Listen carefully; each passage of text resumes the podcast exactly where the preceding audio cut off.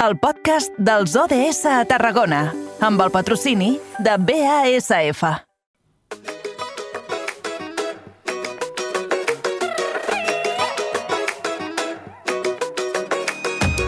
Saber-te els pulmons plens d'aire fresc. Clavall en cada bater.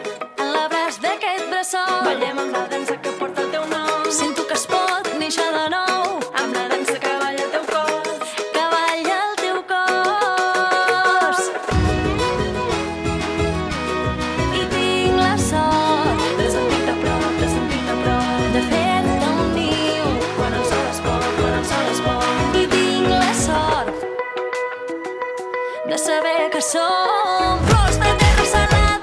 com els dèiem en l'inici, encetem la darrera hora de programa parlant dels ODS, els Objectius de Desenvolupament Sostenible, aquesta agenda marcada per l'ONU que ens fa mirar cap al 2030. I avui ens centrarem en l'ODS número 10, que ens parla de la reducció de les desigualtats i la solidaritat. De fet, avui ens centrarem en la segona setmana dels drets humans que se celebra a Tarragona. Com cada 15 dies, això ho farem saludant Gonçal Barrios. Ell és membre i impulsor de la coordinadora d'ONGs de Tarragona. Bona tarda, Gonçal. Bones tardes, bones tardes. Escolta, per posar-nos una mica en situació, en què consistirà aquesta setmana dels drets humans? I diria que ja ha començat, no? Bueno, comença demà, realment comença demà dia 10. Però, bueno, a veure, la coordinadora d'ONGs de Tarragona, ja amb el suport de la regidoria de cooperació de l'Ajuntament, ja és el segon any eh, que organitzem la Setmana dels Drets Humans. I enguany la fem d'aquests dies, del 17, del 10 al 17 de desembre. I tractem eh, enguany de manera específica l'emergència climàtica. Eh? L'emergència climàtica, com estem veient, a l'escala, les conseqüències són tremendes, no?, amb el tema de temperatura que estem patint, no? Però realment eh, aquesta emergència posa en perill el dret a la vida, a l'alimentació, a la salut, problemes a l'aigua, al treball, al desenvolupament, al medi ambient, que necessitem que sigui segur, net, saludable i sobretot sostenible, etc etc. I sí que encetarem tot un seguit d'activitats, eh, diguem, uh -huh. cinema, debats, teatre, música i d'altres per poder introduir temes com les migracions climàtiques, el consumisme, la sobirania alimentària energètica, l'impacte del canvi climàtic en els territoris, etc etc. Vull dir, serà un programa bastant, bastant complet. Veig que hi ha moltíssimes activitats eh, i entenc que són activitats dedicades a diferents públics. No és per un públic en específic aquestes jornades? No, no, és dedicat eh, molt a adults, a infants, és, i és dedicat a, a, a tota una gamma, a tota la població, diguem. Eh? Uh -huh. Amb el programa es demostra molt, molt clarament. Mm? Com dèiem, eh, serà del 10 al 17 de setembre, de fet comença demà, i pel que veig en el programa ja comenceu a les 11 del matí, no? Explica'ns una Sí. miqueta com començarà aquest tret de sortida i també ja aprofitant la benentesa, Gonçal, si ens vols recomanar alguna d'aquestes activitats. Vale. Mira, demà, el dia 10, comencem a les 11 del matí a el que diem a la Rambla, l'estàtua dels Espollats, a la Rambla de Tarragona, on se farà una petita inauguració que l'hem denominat Primer la vida no ens oblidem, segueixen morint, ara diré per què, i després una activitat per gent petita que es titula Molta gent petita, els llocs petits i fent coses petitones poden canviar el món que la farà una narradora de contes que es diu Carme González. I tot això ho organitza el Mare Nostrum, eh? el grup Mare Nostrum, que fa anys que està lluitant moltíssim amb el tema de, diguem, de, de, de la migració que intenta passar al Mediterrani, sobretot de la zona de Líbia, bàsicament cap a, cap a les illes italianes o a la zona del nord de Marroc, cap a la zona d'Andalusia, diguem, no? I després, a les 4 de la tarda, a la plaça del Centre Social de la Floresta, fem un homenatge a Paco Chamar. Paco Chamar és una persona molt estimada per tot el moviment social i solidari de Tarragona, en jesuïta que porta molts anys treballant i que ha sigut un dels fundadors del comitè Òscar Romero. Eh? A banda de molta història, si vol després us explico una miqueta el seu currículum perquè vegeu quina importància té. Bé, el dijous dia 15, ja passem del dissabte dia 17 al dijous dia 15, a les 5 de la tarda, a les 17 hores, a la plaça Concini es fa una presentació d'un mural de la segona setmana dels drets humans que organitza Enginyers Sense Fronteres i Cooperació. I a les 18 de la tarda, a la mateixa plaça Corsini, es fa una representació de la Mare Terra amb dansa, una dansa que es diu eh, La dona dels mil colors, que fa els pioners de, del ritmo de Tarraco, Tàrraco i que organitza l'ONG Cuculmeca de Tarragona. El divendres 16, uh -huh.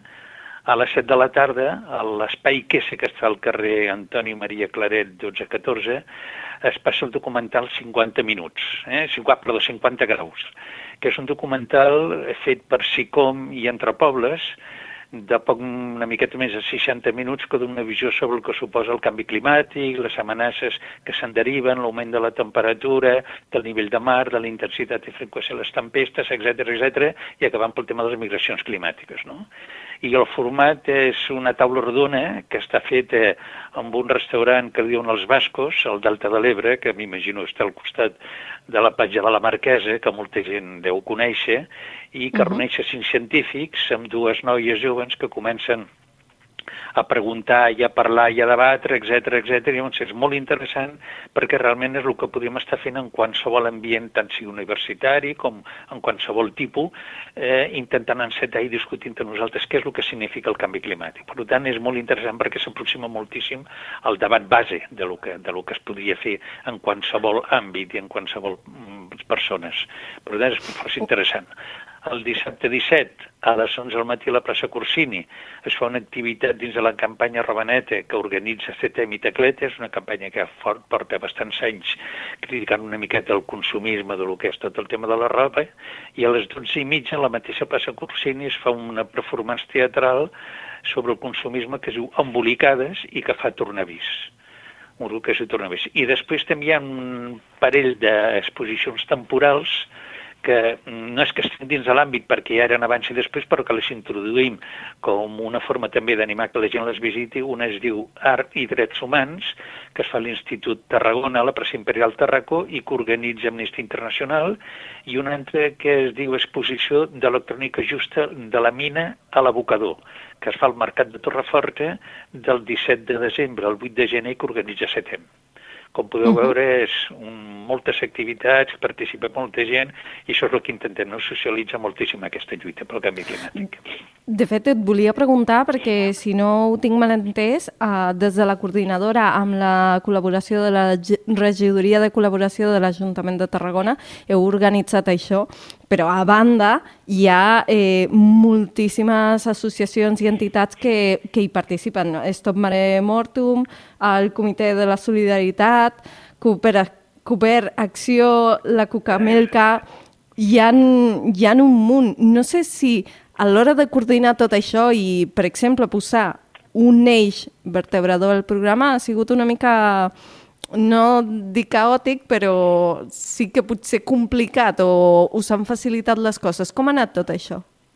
Bueno, és molta feina, molts contactes, moltes reunions, molt anar organitzant, perquè hi ha molts problemes. A més, també despeses econòmiques les aportem les, les ONG i la coordinadora, que en tenim molt poca capacitat com per poder aportar, perquè es necessiten material, es necessiten coses, es necessiten alguns puestos poder endollar doncs, un equip de so, i això és difícil, no? I a poc a poc s'han eh, aconseguint les coses, cada vegada ens especialitzem més en aquesta setmana de drets humans i anem coordinant una miqueta més. Però el que és molt important és que com afecta a tot tipus de necessitats humanes, el tema del canvi climàtic, també és molt interessant que hi participin des de diferents punts de vista no? i des de diferents sensibilitats. I això és el que estem intentant.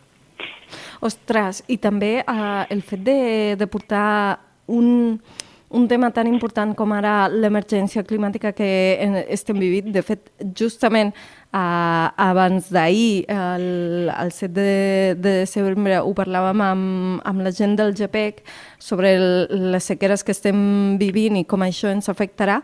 Clar, des del punt de vista dels drets humans, aquesta emergència climàtica a què ens està empenyent com a societat? Cap a on ens està afectant, Gonçal? Bueno, doncs ens està afectant en que no tenim nosaltres, ni som els que la provoquem ni som els que la patim. Mira, El tema del canvi climàtic, a ningú se li escapa que és una situació provocada, no? I acabem de tenir, per exemple, la reunió, la 27 conferència de les, Unions, de les Nacions Unides sobre el canvi climàtic a Egipte, la 27 conferències, i ja fa molts anys que se'n parla d'això. I realment els resultats han sigut molt decebedors, molt decebedors perquè a més els lobbies de les empreses d'energies de, de, de fòssils hi han anat allà massivament intentant impedir que es prenguessin uns acords molt determinants per lluitar lluitar contra aquest canvi climàtic. Eh? Realment la distància d'on som ara i d'on tindríem que estar cada vegada és més gran. Cada any que es fa una cimera, aquesta distància ens separa més de la que realment tenia que estar per arribar a complir el 2030 l'agenda 30, no? el que va, es va signar el 2015 i que són els 17 objectius de desenvolupament sostenible. Cada vegada estem més lluny d'aconseguir-los, cada vegada que ens aproximem més. De fet, Antonio Guterres, que és el secretari general de l'ONU, va dir claríssimament amb el seu discurs inaugural deia que estem en una autopista cap a l'infern climàtic i amb el peu a l'accelerador i que la humanitat té que prendre una decisió, no? que és cooperar o morir. I això ho diu el, el secretari general de l'ONU. Eh? Diu que o hi ha un pacte de solidaritat pel clima o és un pacte pel suïcidi col·lectiu. Ho està dient a tota la terra, a tota la població humana. I a més reclama als governs d'una vegada que gravin els beneficis extraordinaris que tenen les grans companyies de combustibles fòssils per dirigir o redirigir una miqueta els diners eh, aquests que s'obtindrien amb aquest gravament dels seus beneficis, eh, dels seus beneficis, per uh -huh. dirigir a les persones i que pateixen l'augment dels preus, dels aliments i de l'energia, que també l'estem patint nosaltres al primer món, eh? i d'una manera duríssima. No? I demana que aquests diners extra vagin a compensar les pèrdues i els danys i d'aquesta crisi climàtica, sobretot que causa els països més vulnerables. Perquè més s'ha de tenir en compte que els països més afectats, que són els més, els més mm, afectats, els, els més vulnerables, són els que menys responsabilitat tenen a la contaminació atmosfèrica. És a dir, els que menys responsabilitat tenen són els que pateixen més això. I, de fet, amb aquest, amb aquest eh, cimera d'això, per primera vegada s'ha estat parlant d'un fons crear un fons pels països del desenvolupament, que la premsa ha estat eh, traient com si ja fos un fons que estiguessi creat, i això no és veritat. I hem, venim parlant des de la cimera del 2015 a París la necessitat d'evitar i minimitzar i abordar les pèrdues eh, que hi han associades amb aquests efectes del canvi climàtic per poder ajudar en aquests països en desenvolupament, els pobres que ho estan patint molt. I, de fet, s'està parlant amb aquesta cimera que ja estem arribant a un punt de no retorn i que és ara o mai. I això és el que es parlava, el sentiment que hi havia dins aquesta cimera d'Egipte. De fet, no és veritat que s'hagi creat, és simplement un titular, eh? un anunci de la premsa de que s'ha creat aquest fons. No és cert que s'hagi creat aquest fons. Darrere aquest títol no hi ha res. No hi ha, mm, ni s'ha creat ni s'ha establert cap fons ni s'ha dit res sobre com es crea ni com se gestionarà, ni està acceptat sobre quins països haurien de portar aquests diners, aquest finançament, ni quins països tindrien dret a rebre'l, ni en quins criteris, ni sobre quina quantitat, ni sobre a partir de quan es faria efectiu. És a dir, és mentida. Només s'ha fet un titular. I realment els països del sud són els porten més de 3 dècades, més de 30 anys reclamant i assenyalant que la l'injustícia que suposa aquesta gran desigualtat històrica, eh, tant per la, respecte a les responsabilitats com per, pel patiment de les conseqüències de les emissions, fa que aquests països que no tenen cap tipus de responsabilitat sobre aquesta contaminació són els que més ho estan patint. No? Déu-n'hi-do. déu déu I és ara Home, justament uh, aquesta emergència climàtica és l'eix conductor de la, de la segona setmana dels drets humans uh, que s'ha celebrat del 10 al 17 de, de desembre. Gonçal Barrios, membre i impulsor de la coordinadora d'ONGs de Tarragona, de nou un altre cop, uh, moltíssimes gràcies per participar i fer-nos confiança. A vosaltres per, per fer-nos confiança a nosaltres. Us esperem amb, aquestes, amb aquesta setmana amb alguna de les activitats que es pugui fer ben segur que en podrem parlar en, la nostra, en el nostre apartat d'agenda que cada tarda els hi oferim els millors continguts i també el, els actes per les properes hores. Gràcies de nou, Gonçal, que vagi molt bé. Moltes gràcies a vosaltres. Adéu.